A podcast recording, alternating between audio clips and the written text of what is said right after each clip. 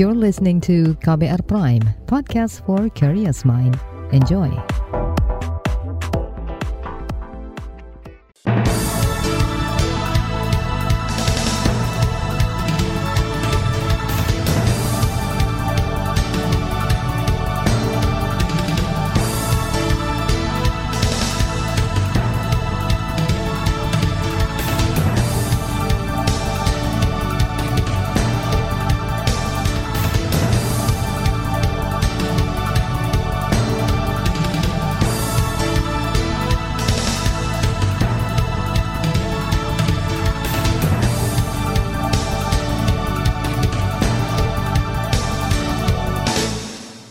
Selamat pagi saudara, senang sekali kami bisa menjumpai Anda kembali melalui program Buletin Pagi edisi Jumat 17 Juni 2022 bersama saya Naomi Liandra.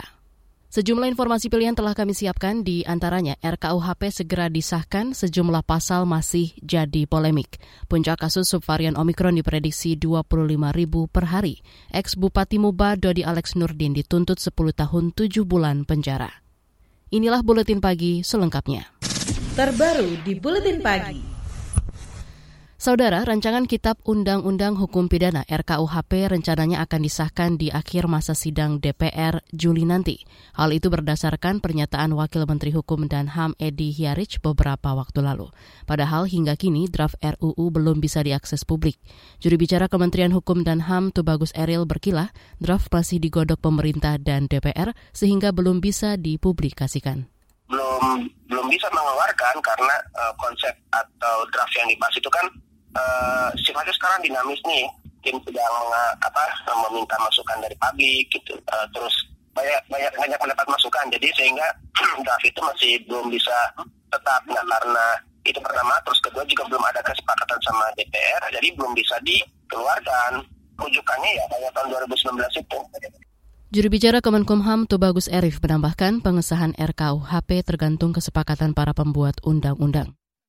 RKUHP masuk dalam program legislasi nasional prioritas tahun ini. Sebanyak 14 isu krusial masih jadi polemik dalam RKUHP karena dinilai mengancam demokrasi. Di antaranya pasal 353 tentang penghinaan kepada lembaga negara yang diancam pidana paling lama satu setengah tahun. Berikut pernyataan peneliti dari lembaga imparsial Gustika Yusuf Hatta.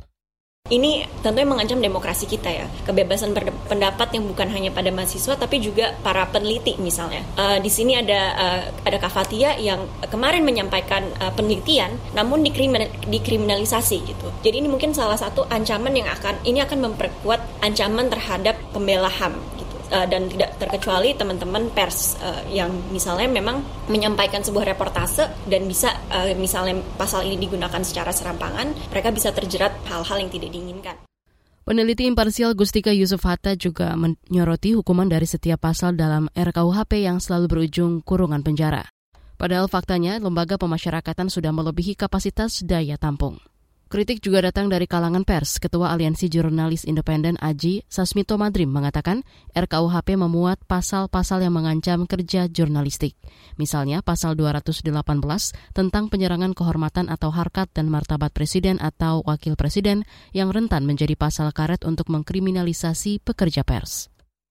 Terus kemudian juga ada tindak pidana terhadap ketertiban umum yang ini di pasal 24.1 ada karakter yang sesuai dengan kerja-kerja jurnalistik gitu ya. Misalkan setiap orang yang menyiarkan, mempertunjukkan atau menempelkan tulisan atau gambar gitu ya. Atau memperdengarkan rekaman sehingga terdengar oleh umum ini sangat sesuai dengan uh, karakter kerja-kerja jurnalis dan uh, teman-teman pers gitu ya. Jadi ini cukup membahayakan. Terus kemudian ada tindak pidana terhadap perusahaan umum dan lembaga negara. Ini juga karakternya masih sama ya.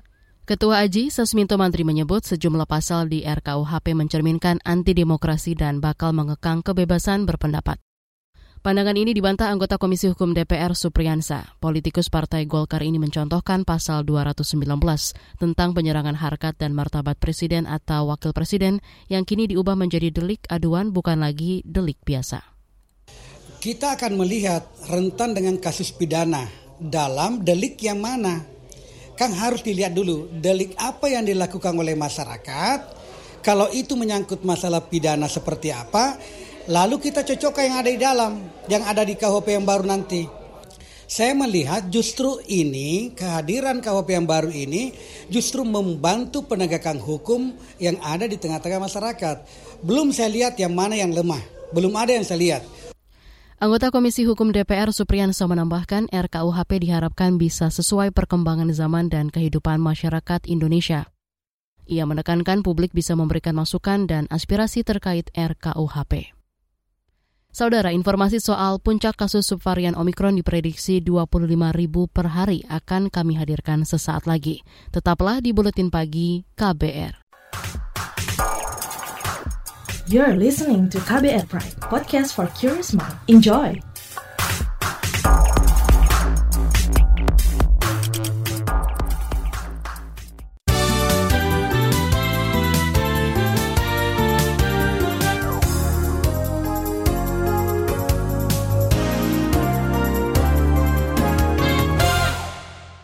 Anda sedang mendengarkan Buletin Pagi KBR. Presiden Joko Widodo mengajak Jerman berinvestasi di sektor teknologi tinggi seperti kendaraan listrik dari hulu sampai hilir. Jokowi menyampaikan hal itu saat menerima kunjungan Presiden Republik Federal Jerman Frank-Walter Steinmeier kemarin di Istana Kepresidenan Bogor. Saya mengajak industri Jerman untuk mengembangkan pabrik semikonduktor di Indonesia dan menjadi industri menjadikan industri ini bagian dari rantai pasok chip global dan untuk berinvestasi di kawasan-kawasan industri hijau di Indonesia. Pada kesempatan itu, Jerman berkomitmen menanamkan modal 2,5 miliar euro atau setara 38,5 triliun rupiah untuk proyek infrastruktur hijau di Indonesia. Misalnya pembangunan pusat mangrove dunia, integrasi transmisi hijau di Sulawesi Utara, dan pengembangan energi panas bumi. Kasus positif COVID-19 di tanah air terus menunjukkan tren kenaikan. Menteri Kesehatan Budi Gunadi Sadikin menyebut saat ini jumlah kasus harian sudah tembus ke angka 1000 per hari. Kemunculan subvarian Omikron menjadi salah satu pemicunya. Diprediksi puncak kasus harian terjadi pada akhir Juli nanti dengan jumlah 20 hingga 25 ribu kasus per hari. Setelah itu kasus akan melandai. Jadi kalau kita Delta dan Omikron puncaknya di 60 ribu kasus sehari, kira-kira nanti ya estimasi berdasarkan data di Afrika Selatan mungkin puncaknya kita di 20 ribu per hari karena kita pernah sampai 60 ribu per hari paling tinggi. Menkes Budi Gunadi Sadikin juga yakin kematian akibat subvarian Omikron jauh lebih rendah dibandingkan varian Delta maupun Omikron. Kemarin jumlah kasus harian bertambah 1.100-an kasus. Pasien sembuh bertambah 500-an orang dan meninggal 3 orang. Kita ke informasi lain.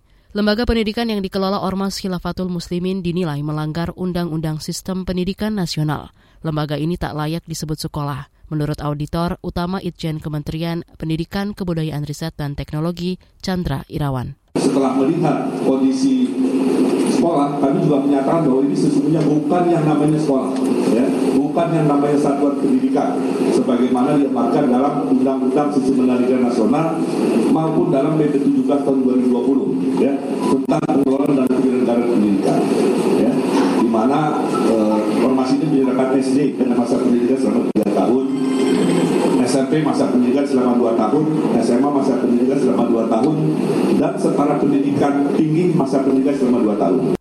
Auditor utama Itjen Kemendikbudristek Chandra Irawan juga mengungkapkan lembaga pendidikan Hilafatul Muslimin mewajibkan setiap calon siswa dan orang tua siswa melaksanakan bayat kepada khalifah. Sementara itu kepolisian menduga Khilafatul Muslimin memiliki 14.000 anggota se-Indonesia. Ormas ini dianggap ingin membangun negara di dalam negara. Beralih ke berita ekonomi. Menteri Perdagangan Zulkifli Hasan kaget dengan kenaikan harga-harga kebutuhan pokok di pasar. Kemarin Zulkifli belusukan ke pasar Cibubur, Jakarta Timur. Harga-harga yang naik antara lain cabai merah, telur, dan daging ayam. Harga daging sapi juga naik bahkan pembelinya turun drastis akibat wabah penyakit mulut dan kuku. Kita tadi melihat harga-harga ya, saya eh, terus terang sok juga ya, eh, karena tadi itu pembelinya ngeluh, yang dagang juga ngeluh.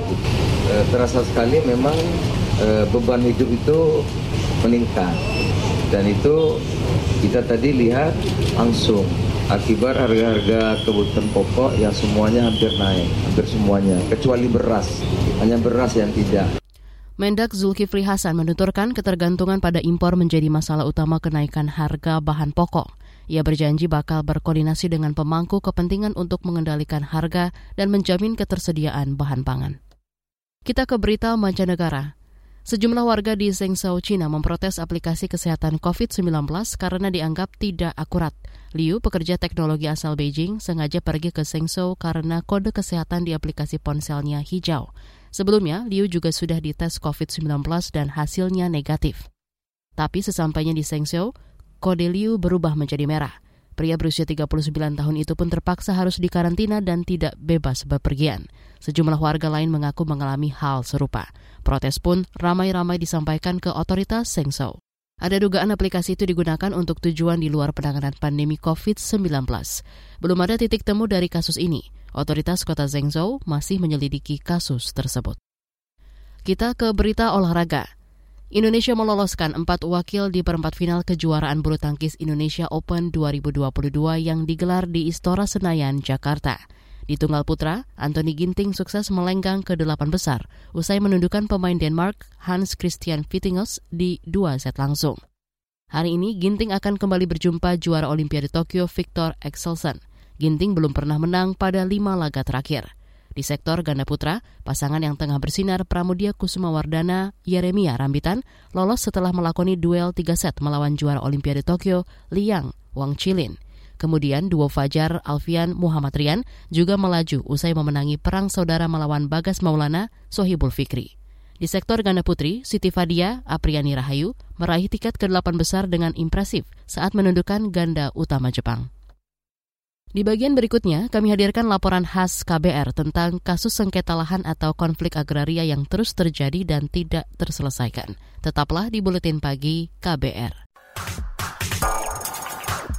You're listening to KBR Pride, podcast for curious mind. Enjoy!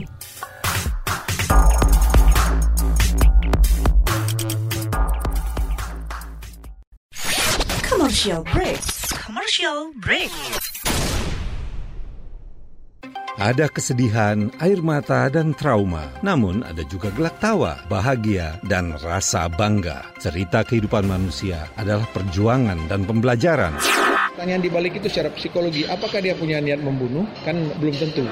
Saya kaget ketika ada konflik sesama orang Madura sendiri mengatasnamakan aliran keagamaan.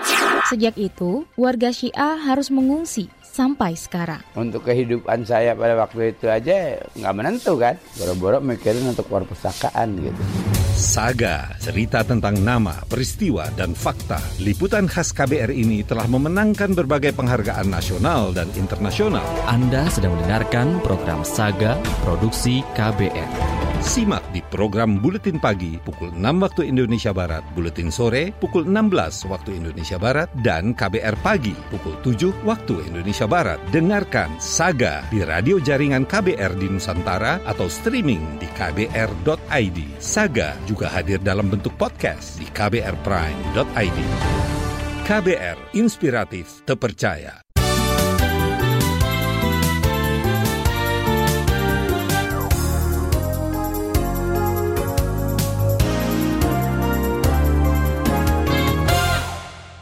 Anda masih bersama kami di Buletin Pagi KBR. Konflik lahan terus muncul di berbagai daerah.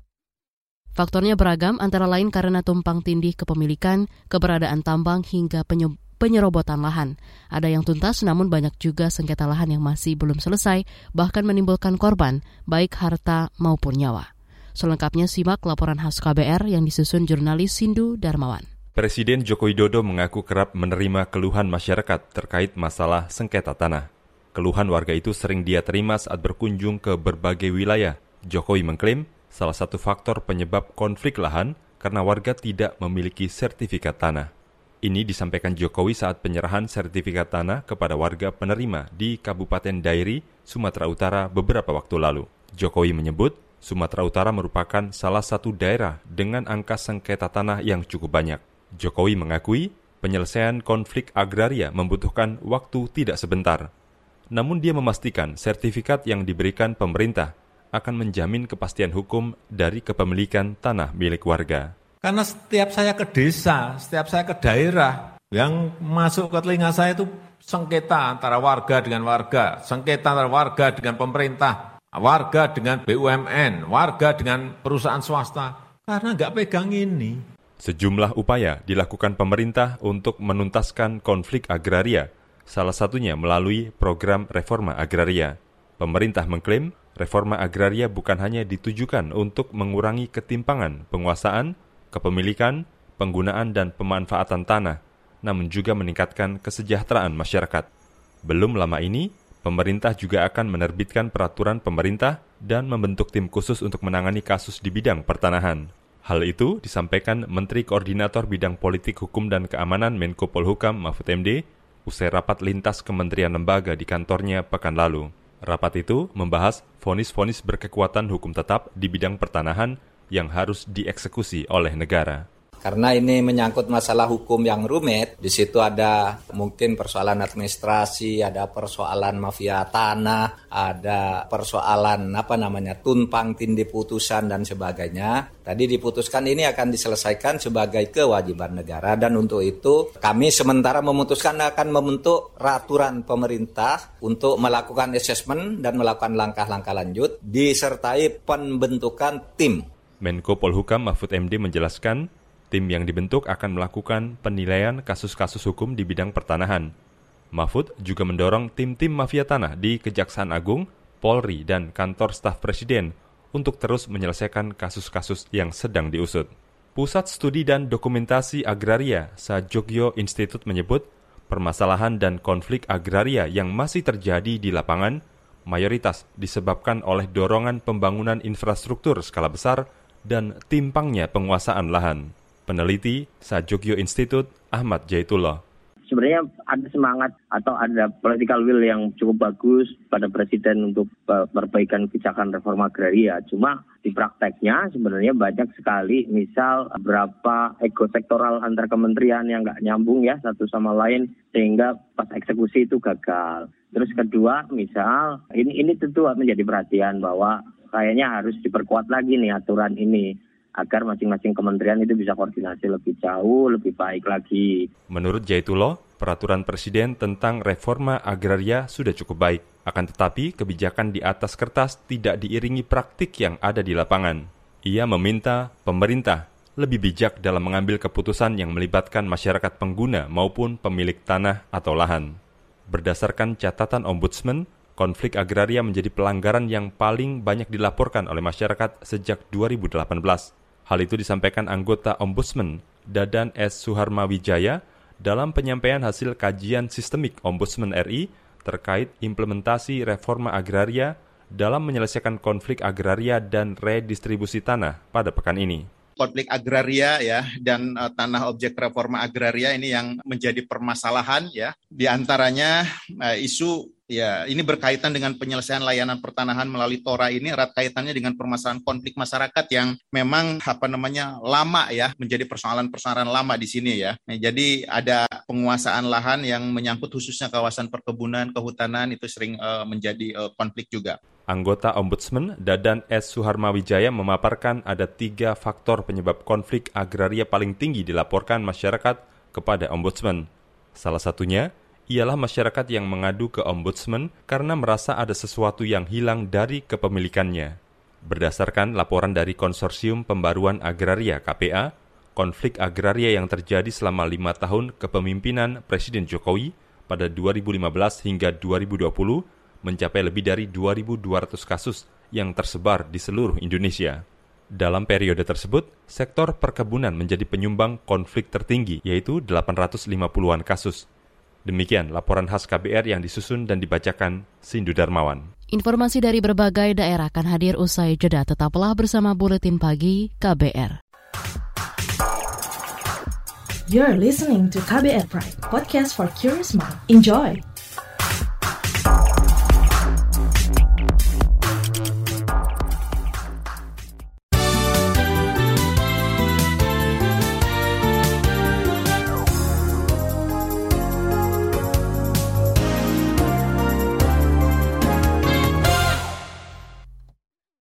Inilah bagian akhir buletin KBR. Kita ke Sumatera Selatan. Bupati Musi Banyuasin nonaktif Dodi Reza Alex Nurdin dituntut pidana penjara 10 tahun 7 bulan. Dodi diduga terlibat suap paket pekerjaan di Dinas PUPR. Tuntutan dibacakan kemarin oleh Jaksa Penuntut Umum dari Komisi Pemberantasan Korupsi Surya Dharma Tanjung di Pengadilan Tindak Pidana Korupsi Palembang.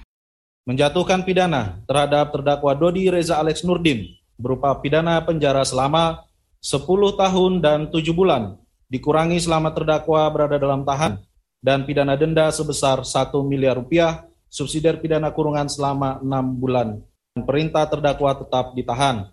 Jaksa penuntut umum KPK juga menuntut Dodi Reza Alex Nurdin membayar uang pengganti 2,9 miliar rupiah. Dodi juga dituntut pidana tambahan berupa pencabutan hak politik selama lima tahun usai menjalani pidana pokok. Kita ke Papua.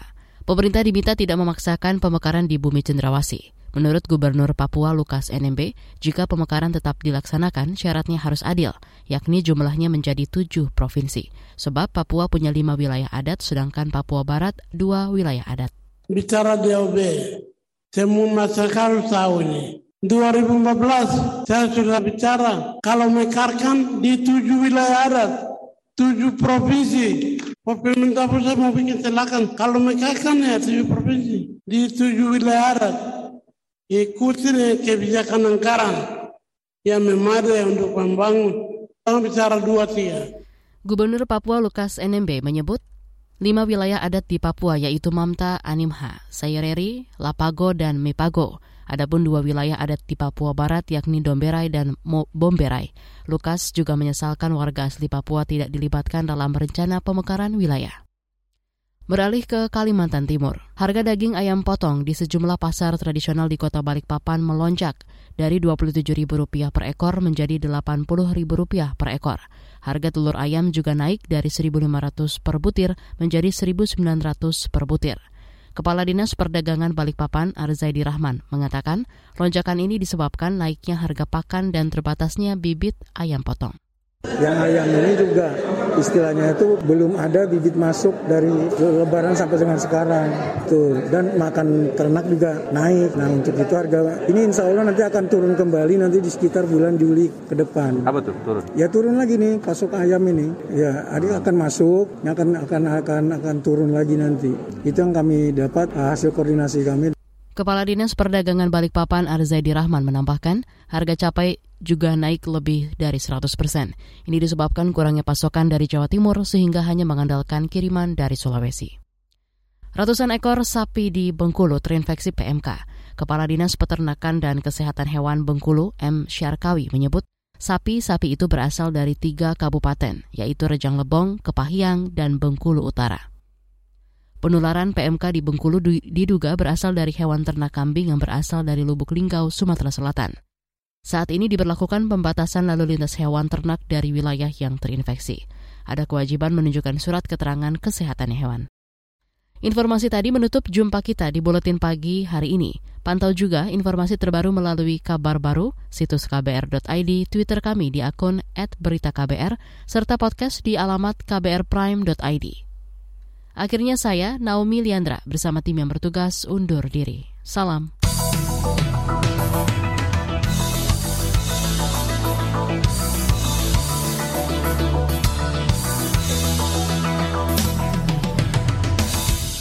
KBR Prime, cara asik mendengar berita. KBR Prime, podcast for curious mind.